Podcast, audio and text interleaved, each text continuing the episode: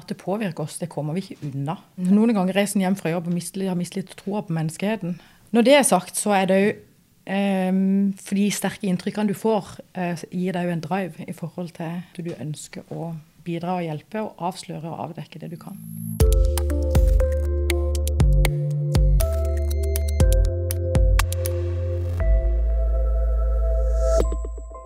Da prosjektet OP Pandora starta opp i januar 2018, så hadde det som hensikt å avdekke, stanse og forebygge overgrep mot barn. Et år seinere vet politiet at det er flere personer i Agder som begår grove nettovergrep. Mange av bildene, videoene og chattene de er så ille at de ryster de aller mest erfarne etterforskerne. Mitt navn er Kim Nystøl, og dette er en podkast fra Agder eh, politidistrikt.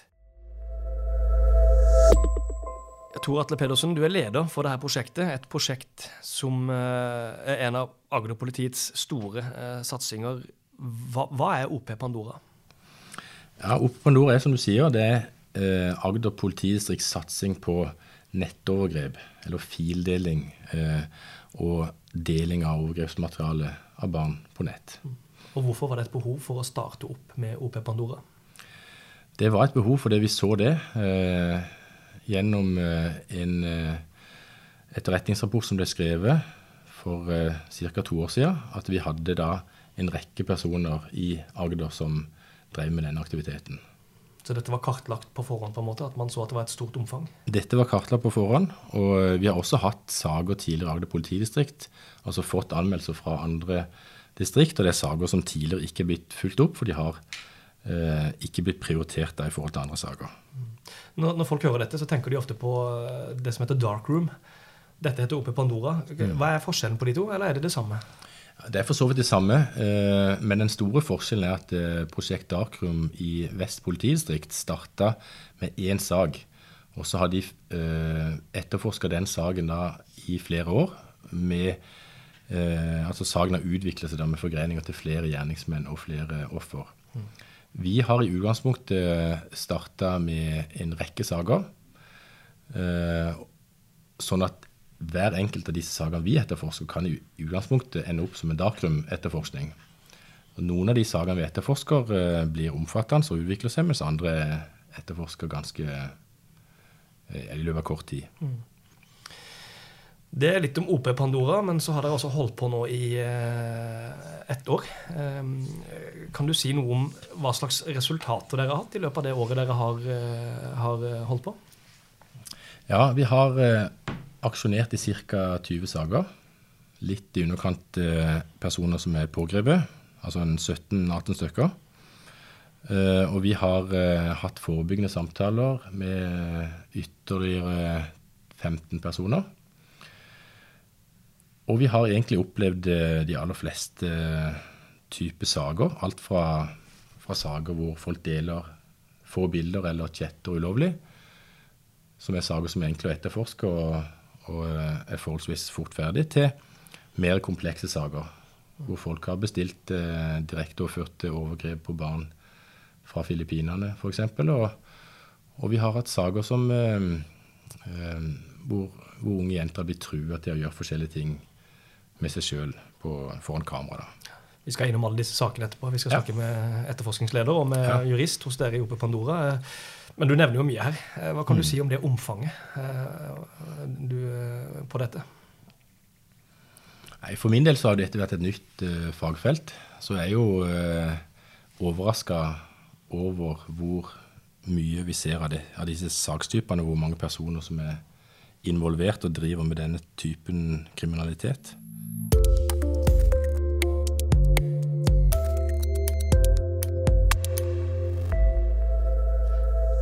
Hvordan jobber politiet for å ta de som begår nettovergrep mot eh, barn? Hva slags straff får de som eh, har eller deler videoer og bilder, eller de som chatter om overgrep? Og hvordan eh, blir de som jobber i OP Pandora påvirka av det de ser hver eneste dag? Det er spørsmål vi skal prøve å svare på sammen med etterforskningsleder i OP Pandora, Mona Jensen, og jurist i prosjektet, Rune Alsted Amundsen. Dere sitter i et rom, og vi skal inn i det rommet nå. For der sitter dere altså flere etterforskere langs eh, to vegger. Eh, og dere har flere PC-skjermer foran dere. Og midt i rommet så er det et svært bord, en slags eh, møteplass eller møtebord. Og de som har litt spesielle roller, de har litt, litt mer plass bortenfor i et, i et, hjørne. Og så har jeg sett at på veggen så henger det bl.a. en tavle med bilder av, av flere jenter. Hvorfor ser rommet sånn ut? Rommet er satt opp på den måten at det skal være full åpenhet i forhold til det vi sitter og jobber med, og det vi sitter og ser på. Når vi går gjennom Ehm, bildemateriale, så er det, det er ikke alltid at alt um, handler om overgrep mot barn. Ofte så er det jo mye uh, altså lovlig voksenporno, f.eks. Som ofte kan være en sånn naturlig sjenanse. I hvert fall i starten, når en begynner å jobbe med det fagfeltet. Og det at skjermene står vendt innover i rommet, sånn at alle kan se hva du sitter og ser på, gjør at det er åpenhet om hva vi ser på. Og samtidig, hvis det dukker opp ting som gjør veldig inntrykk, Eh, så er det en lav terskel for å kunne si til de andre kom og se på dette, og så lufter vi ut og diskuterer det vi ser da, der og da. Det er tanken rundt at skjermene står vendt utover. Og så er det jo sånn at det gjør at vi har en enkel dialog og informasjonsflyt mellom oss når vi sitter og jobber med, for vi jobber jo i team eh, med samme saken. Og da har vi eh, Om noen jobber med chat eller noen jobber med bilde, så er det lett for de å snakke sammen om hva en finner. Kan jeg spørre, altså, Hvordan oppstår en sak? Eh, de fleste sakene er at vi har fått de tilsendt enten fra andre distrikter eller at de er oppretta f.eks. fra Kripos. Eh, men så har vi òg saker som vi oppretter sjøl på bakgrunn av at en overvåker nettet knytta til nedlasting. Får dere tips? Eh, I noen grad, men de fleste er saker som allerede er oppretta anmeldelse på. Dere sitter og ser uh, mye bilder, uh, og dere leser uh, chatter. Altså, hva skal til for at dere går videre i saken? At dere faktisk aksjonerer eller, eller gjør noe mot, mot, de personene som sitter og har dette materialet? Utgangspunktet vårt er jo at vi har en anmeldelse hvor det finnes bilde eller det finnes chat. Um, det er utgangspunktet. Og så beslutter vi på bakgrunn av det om vedkommende skal da pågripes. Og da kartlegger vi eh, den personen som eh, er mistenkt eller sikta. Eh, finner all relevant informasjon om vedkommende først. Legger en plan for hvordan pågripelsen skal foregå, og så pågriper vi. Foretar avhør av vedkommende, og så blir det ransaka. Og så når det er ferdig, så kommer beslaget inn til stasjonen. Så blir det sikra av teknikeren før vi etterforskerne kan begynne å gjennomgå innholdet. Og da må du se om du finner noe som da styrker eller svekker den mistanken vi har mot i utgangspunktet. Så det er ikke sånn at vi sitter og ser på bildet, og så oppretter vi en sak. Eh, det begynner som regel i andre enden. At vi allerede har noen bilder eller chatter eh, som gjør at vi velger å gå til aksjonsfase. Og de personene det blir aksjonert mot, de kan jo kanskje blir sittende i varetekt eh, ganske lenge. Hvordan vurderer dere det, eller hva, hva, hva er regelen der? Vi må jo vurdere om det foreligger eh, bevisforspillelsesfare. Eh, om, om vedkommende har, har, kommunisert med andre, om de har chattet med andre, om de har delt bilder med andre. Så det kan jo være, og det er det ofte, flere medsikter som ikke er identifisert. Det kan være fornærmede som ikke er identifisert, eller vitner. Og da må vi da sikre at siktede her da ikke Eh, og bevis der med å søke opp, oppsøke ditt, disse på nettet eller en person og påvirke bevisene. Så Dermed så eh, vurderer vi alltid eh, i disse sakene når vi skal varetektsfengsle vedkommende, eh, mens vi eh, sikrer bevis. Og det gjør vi i, i, i, i, mange tilfeller. De her sakene er krevende saker, sier dere. Altså, hvorfor er de krevende? Jeg tenker mm, i alle fall at noe av det er to, at man kan todele noe av det. Det ene går på den, at den tekniske utviklingen går veldig fort. Uh, og Måten vi jobber med disse sakene på i dag, er ikke nødvendigvis sånn vi kommer til å gjøre det om to år. For det er et felt som er i stadig endring. Og så ser vi at den mengden datautstyr og lagringskapasitet som finnes på mediet, uh, går veldig fort. Sånn at mengden som skal gjennomgås, øker. Og vi er mennesker som skal sitte og gå gjennom det. Um, og på den måten er det krevende i forhold til at det tar mye tid. Uh, og så har du den sakstypen i seg sjøl, seksuelle overgrep mot barn, er et spesielt fagfelt. Eh, og når eh, vi sitter og jobber med saker, så vil vi i flere saker oppdage enten at de har kontakt med andre, altså chatte med andre som du ønsker å identifisere og andre mistenkte i et nettverk. Eller at du har fornærmede eh, som du i hvert fall ønsker å få identifisert for å få eh, stoppa det de blir utsatt for. Så du har den gravejobben i forhold til enten eh, identifisere mistenkt eller identifisere fornærmede, som du får brukt detektiven i det. Um, og så har de ofrene, eh, eller fornærmede i disse sakene, ofte en så lav uh, egeninteresse i å anmelde disse sakene at de langt på vei så er de avhengig av at vi uh, oppdager de. For de, kommer, de fleste kommer ikke sjøl. Mm. Så har vi da også andre elementer som kan komme inn, som vi kommer tilbake til en av de sakene vi skal snakke om, som kan være at man har fornærmede eh, eller medsikta i, i, andre land. Og da må, må, må man jo vurdere eh, rettsanmodninger og, og, og, og, møte de utfordringene som, som kommer der. Jeg har hørt at eh, enkelte beslag kan være så store at, eh, at eh, det kunne sysselsatt hele prosjektet fulltid. Stemmer det? Er det så mye bilder og videoer de kan beslaglegge?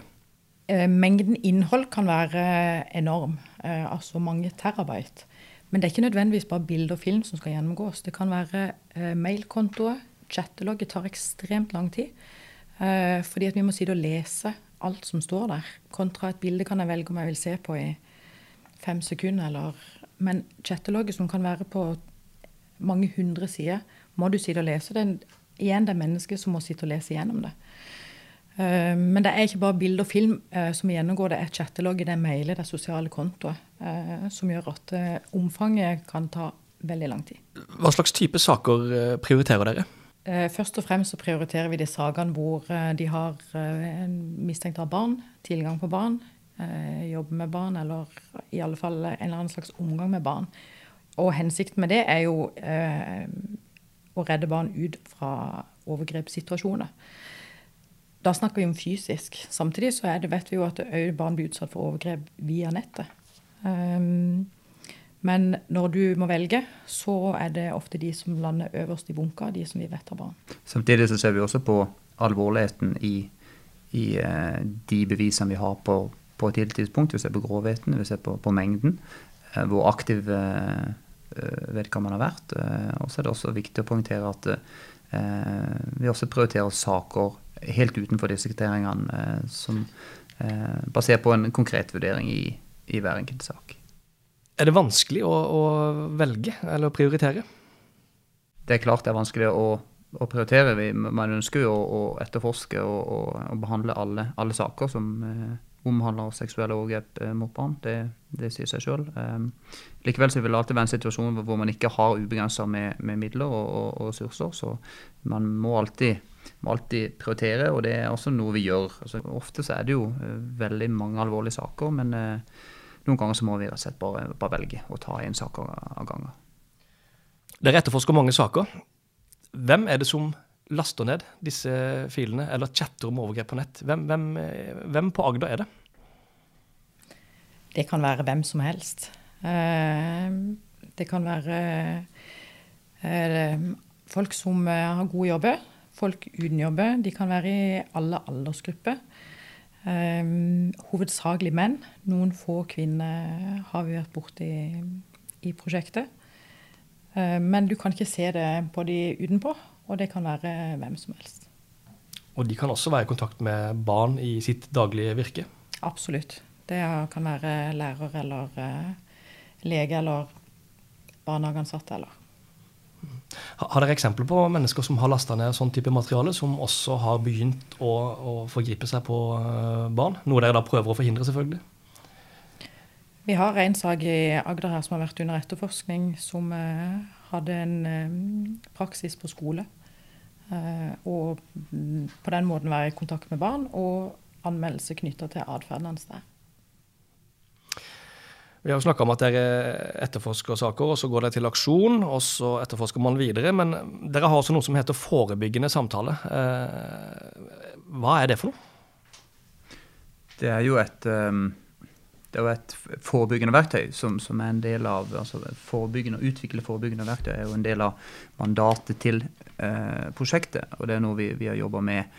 Eh, det er også litt basert på de tallene som Kripos har eh, kommet med. at én av tre nedlaster da utvikler seg til å bli reelle overgripere. Um, så disse samtalene går egentlig under samme lest som den ordinære bekymringssamtalen som politiet har gjennomført i, i, i lang tid. Eh, man snakker om saken, man snakker om eh, konsekvenser for vedkommende. Det kan være konsekvenser for, for de fornærmede. Eh, at man gir litt rom for re refleksjon. Eh, oppfordring til å søke hjelp. Eh, og, eh, og, sette vedkommende i, i kontakt med relevant instans. Da. dette er jo saker som, som så vi kan gjennomføre denne samtalen for personer som kommer ut av varetekt. Det kan være saker som er, hvor man er ferdig sona, hvor man er på et gitt tidspunkt i etterforskninga hvor det er naturlig å ha en samtale, eller saker som, som er henlagt. Har dere hatt mange av disse? Vi har vel hatt ca. 15 stykker så langt. Og så ønsker jeg bare å legge til en kommentar knytta til det, det, Rune forteller her. At um, det å ha en sånn bekymringssamtale, det er en annen type samtale enn du har i en avhørssituasjon. Men det som gjør at du kan ta opp eh, andre typer tema enn det som vil være naturlig å ta i avhørssituasjonen. Uh, og for de sakene som blir henlagt, hvor vi har gjennomført de samtalene her, så tenker jeg uh, Normalt ville de da fått et brev i posten om at saken din er blitt henlagt. Det er anmeldt for et sånt forhold, og den er blitt henlagt. Jeg tror at det har mye mer effekt at du faktisk eh, møter to stykker fra politiet som forteller dette har du vært anmeldt for. Kan vise de bilder, kan vise de chattelogg. Dette vet vi. saken har blitt henlagt, og snakke om konsekvenser. Um, at det er mer effektfullt enn at de bare får et brev i posten som du kan lese i skjul. Mm. Eh, mens her blir du sittende ansikt til ansikt eh, med noen som viser at vi har sett det. Blir de fulgt opp, de man har en sånn type samtale med? Uh, sånn at man vet hva de, hva de holder på med? holdt Jeg på å si? Jeg vet at det er noen av de prosjektene som en har gjort avtale med om å ha videre kontakt med. Og Så skal vi snakke litt om dere som eh, jobber i prosjektet. Eh, dere sitter altså hver dag og eh, ser eh, bilder, videoer. Eh, dere leser eh, logger. Kan du si litt mer om altså, hva er det dere ser i den jobben dere har? Det vi ser, er grov utnytting av barn. Seksuell overgrep mot barn helt ned til spedbarnsalder. Vi ser et uh, bilde, filmmateriale, hvor det kan være snakk om barn som poserer seksuelt. Um, det er ikke nødvendigvis de groveste inntrykkene, men så har du skalaen fram til det som går til vold og tortur mot små barn. Og når jeg begynte å jobbe med dette, så tenkte jeg at det eh, et eller annet sted så er det en sånn fysisk eh, grense i forhold til hva som er mulig eh, å gjennomføre med seksuelle handlinger med et barn. Og den eh, forestillinga den har lagt bort. Det er bare snakk om hva slags skade de får av det. Um, og det er ting som uh, jeg ikke ville greid å finne på. Altså Fantasien min strekker ikke til i forhold til noe av det materialet vi sitter og ser på. Um, jeg ville ikke klart å lage meg et bilde av hva jeg kunne forventa uh, før noe av det jeg har sittet og sett, eller vi har sittet og sett. Hva gjør det med deg da, som, eh, som uh, menneske? Jeg tenker I utgangspunktet så må vi prøve å være profesjonelle, men at det påvirker oss, det kommer vi ikke unna. Eh, det vil påvirke oss på en eller annen måte. Eh, og hvordan det påvirker, vil nok variere litt etter hva slags livssituasjon du har. Noen ganger reiser en hjem fra jobb og har mistet litt troa på menneskeheten. Eh, fordi at du har bilder eller filmer eller lyder i hodet ditt som dukker opp i private sammenhenger av ting du har sett på jobb. Og så tror jeg at vi ofte ser og tolker ting privat ut fra den jobben vi har, og det, det vi ser på jobben. Um, eller om du ser nagne barn på stranda, f.eks. Helt uskyldige ting som gjør at vi kan sitte og se det med annet, et annet blikk. Når det er sagt, så er det òg um, For de sterke inntrykkene du får, uh, gir deg jo en drive i forhold til motivasjon til det du driver med, at du ønsker å uh, bidra og hjelpe og avsløre og avdekke det du kan. For din del også, Rune, du må se mye av dette for å vurdere på en måte eh, grovheten i bilder og, og, hvordan det skal brukes. Eh, mm. Hvordan har det påvirka du? Jeg må slutte meg til det Mona sier, at man, man, man får eh, man mist, man mister litt troen eh, på, på mennesker. Men, men så blir en, blir noe herdig etter hvert, og så, blir en, så, for, så, må vi heller bare snu det til noe positivt og, og bruke, det, bruke, det, som en energiinnsprøytning til å på en måte gjøre en bedre jobb. og, og, og bidra til at flere barn blir, blir ikke blir utsatt for dette.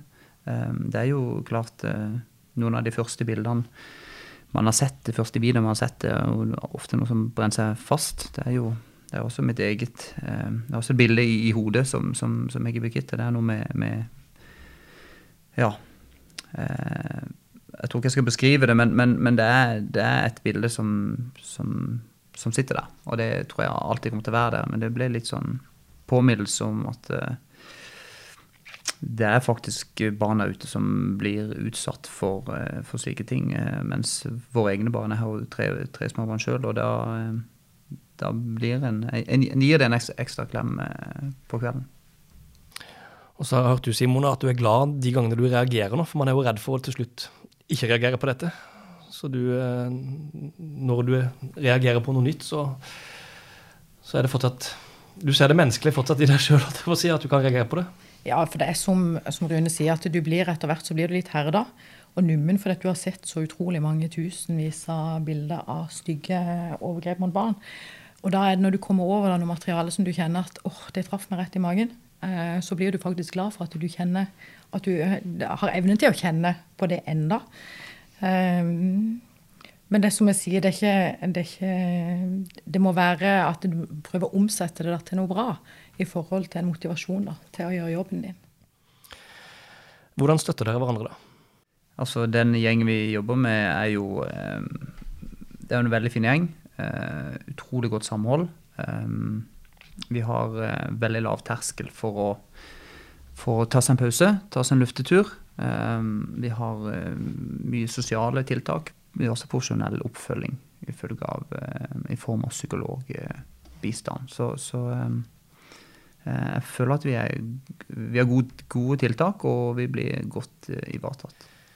Vi skal kikke på du, Rune, for nå skal vi snakke litt om de som, uh, som gjør dette. Uh, mm. og, og, straff. det er et stort spørsmål, men hva slags mm. type altså hva slags type overgrep er det man ser? hvilke kategorier er det, holdt jeg på å si? det kan være overgrep, det kan være grove overgrep, det kan være medvirkning. Mm. Hva er det dere ser? sakene våre er jo eh, av svært ulik karakter, da. Eh, det kan være helt fra det at man, man chatter på nett, eh, til, til deling av bilder. De som det som er grovt med tanke på det å, å chatte da, og, og, besitte bilder. det er mange som, som tenker det å, å, dele bilde på et overgrep som allerede er begått, det, det, er ikke så farlig, fordi man, man gjør ikke noe fysisk sjøl, men det er mm, noe som eh, domstoler og, og, rettspraksis eh, viser at man, det argumenteres da med at man bidrar til å opprettholde et marked for den type materiale, og at man dermed på en måte indirekte bidrar til å skape eh, etterspørsel. Eh, og så ser man også at den type eh, materiale brukes som valuta i ulike chatterom. Eh, sikkert man må dele bilder som man har for å få andre deler, eller for å kunne, kunne være med i, i, i chatrommet. Um, så, så, chat og fildeling er jo, uh, og ren nedlasting er jo, er jo en type sak. Og der ser man ofte saker hvor de har kanskje 1000, 5000, 10 000 uh, eller mer bilder uh, av noen, noen svært grove og noen mindre grove. Så um, andre saker er f.eks. trusselsaker, eh, hvor eh, unge barn eh, trues til å, å sende nakenbilder av seg sjøl. Eh, eller overgrepsbilder av seg sjøl. Eh, det, det, kan være unge ofre, eh, hvor det kanskje begynner vennlig eller begynner med et romantisk forhold og, og, en, og en, kontakt, og så utvikler det seg etter hvert. Hvis man har delt noen bilder, så kan man kan så kan vennskapet snu seg, og så kan man eh, plutselig bli trua da, til å sende mer utfordrende bilder eh, eh, under trusselen at dette skal legges ut på nettet eller sendes til venner og bekjente osv. Så og i sånne saker så kan det ofte være en person som har gjort dette mot svært mange, hvor man kan ha 20-30 eller kanskje flere hundre fornærma i, i, en enkelt sak. Um, og her også eh, kan man risikere å bli sikta og dømt for medvirkning til voldtekt um, dersom man tvinger disse barna da uh, til å gjøre ulike ting med seg sjøl. Um, uh, andre typer saker er f.eks. Uh, livestream, hvor man da betaler en bakmann for å uh, få se et uh, direktesendt overgrep kan du si noe om, om strafferammer på disse Da sier man har et, et uh, overgrep uh, Altså man, man, har bilder, uh, videoer av overgrep, man chatter. Mm. Man bestiller live-overgrep fra fattige land, som du sier. hva er strafferamma på disse? Altså, Først må jeg si at En strafferamme er jo eh, nettopp det som ligger i ordet. Det er jo en, en ramme som, som, eh, som, domstolen har et handlingsrom innenfor. Eh, at det, det, sier noe om hvor mye en maksimal straff kan være. Og I de sakene her så er jo strafferammene fra, fra ett år til, til, helt opp til 21 års fengsel. Når det gjelder dette med å, å besitte bilder, anskaffe seg bilder, få tilgang til bilder, da, da tenker jeg på ulovlige bilder som fremstilling av overgrep eh, mot barn, da er det en, en strafferamme på, på, tre år. Og det er for å, å, å dele bilder eh, videre også. Eh, men det, igjen så vil det avhenge av antall bilder, grovhet, eh, om man har både bestilt og delt osv. Og, og så har man de skjerpende og formildende omstendighetene som, på, eh, som, som, spiller inn da. Når det gjelder voldtekt av barn, så det så vil jo straffebestemmelsen og strafferammen være den samme om man begår overgrepet selv, eller om man medvirker via eh, internett. Eh, så, men, men eh, utgangspunktet er jo at en medvirker vil straffes da mildere enn en hovedmannen. Her kan kanskje begge svare, fordi at eh, dere aksjonerer mot mennesker som har type bilder og, og, og så videre, og Forstår ikke de alvoret da, i, i, eh, i, det de har holdt på med? Er ikke de klar over at dette er ulovlig? Hva sier de dere pågriper? Mitt inntrykk er at mange ikke skjønner eller tar inn over seg hvor alvorlig det de har gjort, eh, er. Eh, at de ikke ser rekkevidden av det. At man, man eh, Noen argumenterer som, som jeg sa i stad, at overgrepene har allerede skjedd, så, så, det at jeg deler dette bildet, det, det har jo ingen betydning for det barnet. Og noen Så det synes som man kan da skjule seg bak et, et en PC og en tastatur, og da på en måte dele sine turøyse tanker. Eh, at, at, det er mye lettere ikke sant? Og, og, enn, en å si det ansikt til ansikt. Så jeg tror eh, de fleste vet at det de driver med, er ulovlig, men at de, de bagatelliserer det siden de sitter bak en PC, og, og at overgrepet allerede, allerede har skjedd. I forhold til chat, da? Det kan sikkert Mona svare på. Jeg tenkte bare på det at de nettopp de sitter bak en skjerm, og den følelsen av distanse har jeg hørt i andre nettsaker si at de har en tanke om at særlig når de driver og presser unge jenter eller gutter til å utføre seksuelle handlinger med seg sjøl, at de eh, sikter seg med en følelse at det er en tanke om at hvis ikke de vil, så kan de bare eh, slå av maskinen eller logge seg ut eller slå ned skjermen. Men det er ikke den følelsen som de fornærma sitter med. De blir, de blir pressa fra skanse til skanse. Og de, for, de, for deg så er ikke det et reelt alternativ å bare lukke skjermen. De føler seg fanga. Mens den sikta kan gjerne sitte med et inntrykk av at det er lett, lett for de å logge seg ut og melde seg av den samtalen der. Mm. Og i den forbindelse har fått noen overraskelse når de plutselig ender opp med å sitte med en sånn voldtektsanmeldelse eh, på seg. For det er det de har drevet disse fornærma til. Um, og en strafferamme da, som er langt utenfor hva de i utgangspunktet tror jeg har sett for seg. At, det, at de skjønner at ikke det er greit, ja, det er åpenbart. Men at de skjønner at det er voldtekt de bedriver, det gjør de ikke alltid. Og det er jo nettopp dette med, med chat da, som, som, jeg kan eh, si to ord om. Det er jo dette med å, å produsere fremstillinger som seksualiserer barn. Så, så, det, så, eh, så likestiller man det eh, med eh, et bilde ved, ved at man eh, skriver eller snakker om, om eh, om seksuelle overgrep mot barn, så rammes de også av den samme bestemmelsen. Um, og det er også noen eh, dommer hvor man påpeker, hvor rettspraksis påpeker at det å, det å, snakke seksualiserende om barn og snakke om, om, om overgrep eh, mot barn for mange kan, kan, fremstå som mer reelle da, og mer eh, virkelighetsnære enn en, en f.eks. bilder. Og at det i noen tilfeller da kan, kan trigge overgriper da, til, å, til, å, begå egne overgrep. Og Det ser man også i, i noen chatter, at man, eh, at man oppfordrer hverandre til å begå overgrep mot egne barn eller, eller andres barn. Og, og, og, på den måten så, så, kan det vel så grovt å, å chatte om overgrep som, som å dele et bilde.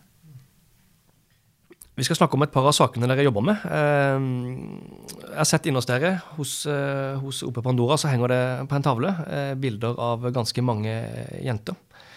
Fra ganske mange forskjellige land. Hva kan dere si om den saken? Det er en sak som fremdeles er under etterforskning. Ehm, det er en gutt i 20-årene som har hatt kontakt med mange jenter på nettet. Og det vi ser så langt, er at alle bor i utlandet. Og han har hatt en eller annen slags relasjon til dem som eh, gjør at de har sendt bilde til han frivillig. Og på et eller annet tidspunkt så endrer en relasjon seg. Eh, og han begynner da å true jentene med at han ønsker flere bilder. Og han truer dem på en måte om at han skal legge de bildene han allerede har fått, enten ut på nett eller sende de til den skolen som jentene går på. Ta kontakt med familie eller venner til disse jentene. Um, og true med å dele bilder, og òg bruke nettverket rundt jenta som et press for å få henne til å gjenoppta kontakten med han. Um, og på den måten så driver han nærmest utpressing eh, mot disse jentene. Eh, vi har så langt ca. 20 fornærma. Eh, alder går ned til 14 år. Flere, det vi ser på flere av disse jentene, er så at de er sårbare jenter, og flere av de truer med selvmord. Når han starter med den presset som han setter inn i forhold til de, så er det flere av de som truer med å ta livet sitt pga det trykket de blir utsatt for. Hvordan oppsto saken? Det var ei utenlandsk jente på 15 år som følte seg så trua at hun faktisk tok kontakt med politiet i sitt hjemland. Eh, og varsla på den måten. Og på den måten som en jobber med identifisering, så ble han eh, lokalisert til å høre til her i Norge. Og havna da inn under Pandora sitt prosjekt, eh, da han har bosted i Agder. Denne saken er jo annerledes enn andre saker dere jobber med. Men hvordan, dere, hvordan jobber dere med denne? Utfordringa med denne saken her er at den nærmest har fremstått som et puslespill for eh, etterforskerne. Fordi han opererer med så mange kontoer på sosiale medier. Eh, og så har han, ikke et, han har ikke brukt et fast mønster i måten han har tilnærmet seg på. Som gjør at når vi da sitter og gjennomgår beslaget, som kan være eh, flere forskjellige Instagram-kontoer f.eks., for flere forskjellige eh, Snap-kontoer, eh, mailadresser han bruker, så eh, ser vi at han bruker forskjellige navn på seg sjøl, men det gjør òg flere av jentene. Så da å sitte og plukke hvilken informasjon hører til hvilke jenter, eh, og så sitter vi med bildemateriale og skal prøve å putte den in, eh, chat-informasjonen sammen med riktig ansikt og kropp, har vært en utfordring med den saken. Disse jentene, de er fra hele verden? De er fra hele verden. Vi skal ikke si noe mer om den. Eh, den etterforskes uh, fortsatt. Men vi kan gå til en annen sak som er kjent uh, i media. Du nevnte det i stad med live altså, mm. Man streamer overgrep. Og dette er en sak fra, fra Filippinene. Mm. hva kan du si om, eller dere si om den saken? Altså, dette er en mann i 30-årene som, som, er bosatt i Agder. det er en person som har små barn selv. Um, og han eh, har over lengre tid eh, chatta da seksualisert med, med, med mange likesinnede eh, i mange år. Um, og vi ser også at han har eh, en rekke tilfeller da bestilt overgrep på barn på Filippinene ved å, å betale noen dollar. Og så har han da instruert vedkommende da til å, til å um, iscenesette Eh, voldtekt og, og, og, andre overgrep mot eh, disse barna. Så da er det jo naturlig å, å, eh, betegne dette som voldtekt av barna under, under 14 år. Så han er også i besittelse av overgrepsbilder og filmer da, som, som han i noen grad har produsert selv i form av disse live-sendte overgrepene. Um, dette var en sak som um, vi fikk et annet distrikt. Det var uh, vår sikta da hadde da chatta seksualisert med en annen person i et annet distrikt, og så fikk vi denne saken da oversendt. Og dette var jo kun en chat, en enkel, enkel chat, og det viser noe av eh, kompleksiteten i det vi driver med. Og det er altså noe som er årsaken til bak navnet oppe i Pandora. At man, Før man åpner eh, Pandoras eske, så aner man ikke hva som, som befinner seg der. Og i dette tilfellet så, så var det forholdsvis mye og, og, og, alvorlige forhold som lå, lå i, i, den boksen. Um, så her, eh, og I denne saken her har vi også oppretta om lag 30 nye saker da, som, er, som vi kaller utspringssaker, der hvor, hvor um, de medsikta som han har snakka med og delt bilder med, eh, både er, befinner seg i Agder og også i andre distrikter. Og slik så, så utvikler seg disse sakene seg eh, noen ganger veldig fort. Og denne saken den skal etter hvert opp for retten? Den er begynner å nærme seg ferdig etterforska og skal nå snart opp i retten, ja. Og så til slutt skal vi snakke litt om om overgrep og internett. Eh, de sakene vi nevner nå, eh, det er jo overgrep som skjer eh, via nettet, og det er mange saker. Det var en bistandsadvokat i en, i en sak i Norge som kalte nettovergrep for et galopperende samfunnsproblem. Hva betyr det egentlig at de som forgriper seg på barn, eller vurderer å gjøre det, har fått denne arenaen, altså internett? Altså jeg tror eh, nettet som sådan, men også alle de sosiale plattformene og sosiale mediene som, som både voksne og barn bruker, eh, gir nok økte muligheter til å nå ut eh, til flere fornærma, men også til likesinnede. der hvor man kanskje satt med disse tankene på egen hånd, så har man nå i noen tilfeller fått, eller i noen grad har fått mulighet til å, til å, å, å møte likesinnede og dele, dele det med andre. Noe som kan på en måte trigge oss en utvikling hos, eh, hos disse personene. Um, så det gir jo sånn sett mulighet for en negativ utvikling, da. Så de, altså, det, med det du sier her, at de, de som altså, For det første er jo tilgangen til offeret lettere, mm. og man kan gjemme seg bak et tastatur. Men også det med Er det noe dere ser mye i chattene? At man oppfordrer hverandre? At man utfordrer hverandre til å gjøre overgrep mot barn? Eh, vi ser mange chatter hvor mistenkte hos oss f.eks. har egne barn. At vi ser at de er i dialog med andre, hvor den andre oppfordrer personen i Agder til å utføre overgrep mot de barna de faktisk har lett tilgang til. Det har vi sett. Nedlastere, eh, altså nedlastere av sånt eh, materiale. Eh, hvor lett tror dere de har for å nettopp utføre overgrep sjøl? tenker at De som chatter om seksuelle overgrep mot barn, og de som deler bilder og film, de er med på å bryte ned eh, sosiale tabu i samfunnet, og at det går litt over tid.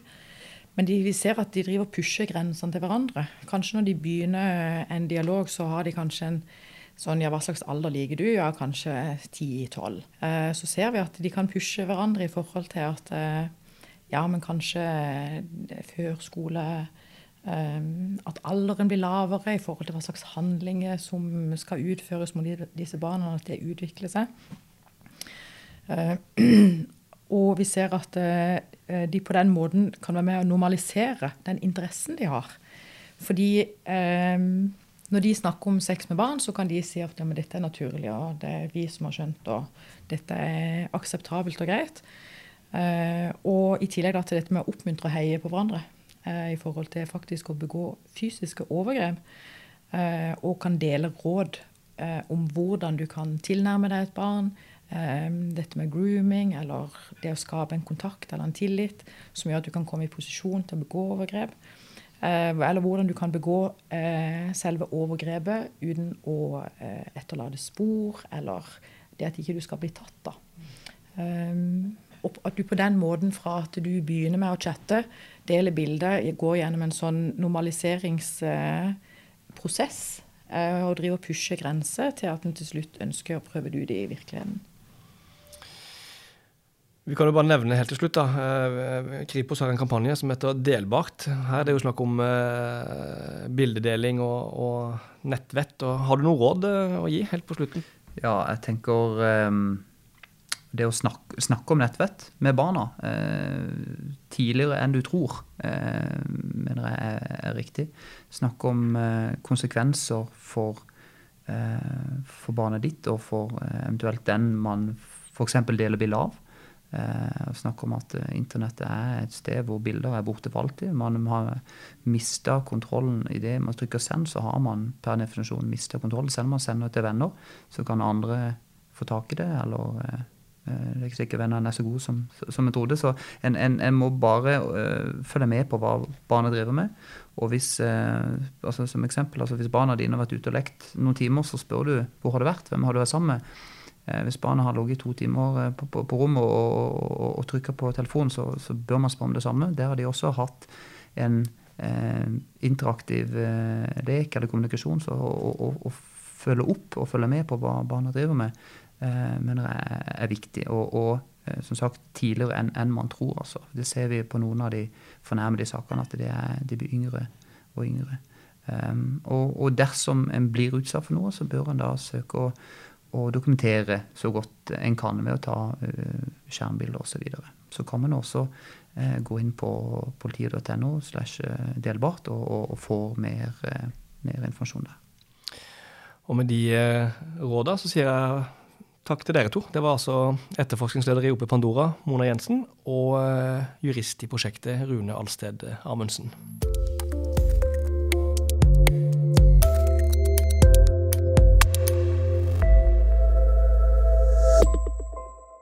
Ett år etter at prosjektet OP Pandora ble satt i gang, har politiet etterforska mange saker, pågrepet flere personer og fått dommer på mennesker i Agder som begår nettovergrep mot barn. Og Prosjektet det skal vare ut 2019, og hva som skjer etter det, det er um, uvisst. Prosjektleder eh, i OP Pandora, Tor Atle Pedersen. Nå er vi godt i gang med 2019. Eh, og hvor står, hvor står dere akkurat nå? Nei, Nå er vi jo halvveis i prosjektperioden, og nå er vi inne i det som vi kaller for litt sånn flytsone. Nå har etterforskerne opparbeidet seg god kompetanse, sånn at eh, vi etterforsker Jon saker på løpende bånd. Så dere har fått på en måte rutiner? Dere har kommet i gang? Vi har fått gode rutiner, kommet godt i gang. Og eh, har ei stor bunke med saker som ligger på vent. Og, og etterforsker, eh, starter etterforskning og fortløpende etter hvert som vi, vi bli ferdig med, med, med eldre saker. Mm. Du sier uh, at dere har en liten bunke. Uh, er det det som er utfordringa i 2019? At dere har saker liggende på, på vent, på en måte? Ja, uh, vi ønsker å komme over i en mer proaktiv fase. At vi kan være tidligere inne. Når vi ser at personer deler overgrepsmateriale på nett, så skulle vi ønske at vi var der, at vi kunne aksjonere mer eller mindre umiddelbart. Mm. Der er vi ikke helt ennå. Så vi jobber fremdeles med å jobbe ned denne bunka som vi, vi, har liggende. Det er jo sånn at Vold og seksuelle overgrep mot barn, eh, og særlig sårbare grupper, det er jo en prioritering i politiet. Eh, også i Agder politidistrikt. Det er jo derfor vi har eh, OP Pandora. Mm. Men så er det et prosjekt da, som skal vare i to år, og nå er det inne i siste året. Hva tror du skjer etter det? Nei, altså Jeg tror jo at politiet både ønsker og er nødt til å prioritere disse sakene videre. Så helt sånn konkret så skal vi eh, evaluere dette prosjektet, og vi skal gi vår anbefaling til politimesteren om hvordan vi mener at, eh, at eh, prosjektet kan tas videre, eventuelt overtas av den organisasjonen som er etablert i politiet. Hva tror du hovedutfordringa blir nå? Nå er vi kommet til mars-april. Hva blir hovedutfordringa resten av året mens prosjektet enda er i gang? Utfordringen er som nevnt, det er egentlig bare Det som, som er tøft, det er å prioritere blant disse sakene som i utgangspunktet er prioritert alle sammen. Og så blir det selvfølgelig spennende å se hva som, som skjer da etter prosjektet er over. Du er prosjektleder, men uh, det her er jo et helt du var så vidt inne på det i sted, et nytt fagfelt for din del også. Uh, og en ny type kriminalitet å, å etterforske. Hvordan har det vært for deg personlig? Det har vært, som du sier, det er et nytt fagfelt for meg. Og jeg har ikke jobba med sånne saker tidlig hvor du har sett så eh, ondskap i så stor grad. Altså det er, det er mye av Mange av disse sakene har ingenting med seksualitet å gjøre. Det har med ren ondskap, vold og tortur. Fantasien strekker liksom egentlig ikke til. Samtidig så Det er veldig motiverende. Som sagt så mener vi å ha stoppa overgripere fra å begå reelle overgrep. Og vi har hindra eller fått stoppa overgrep som skjer mot barn. Og det er jo veldig motiverende. Så selv om det er på en måte tøft å, å stå i mange av disse sakene, så er det også veldig motiverende. Så det veier litt opp. Og det å hindre overgrep, det måler selvfølgelig også i framtida. Ja. Tor Atle Pedersen, prosjektleder for eh, OP Pandora. Takk for praten. Bare hyggelig.